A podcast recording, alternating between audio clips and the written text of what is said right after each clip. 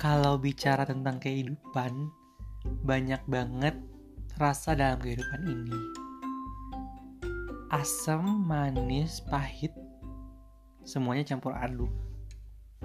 Hai lu ingin bercerita tentang bagaimana kita bisa marah ataupun cerita tentang kesedihan ataupun cerita bahagia.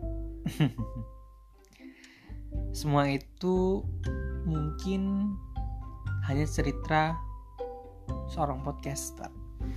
Tetapi mungkin hampir sama dengan cerita teman-teman. Tetap dengerin terus ya.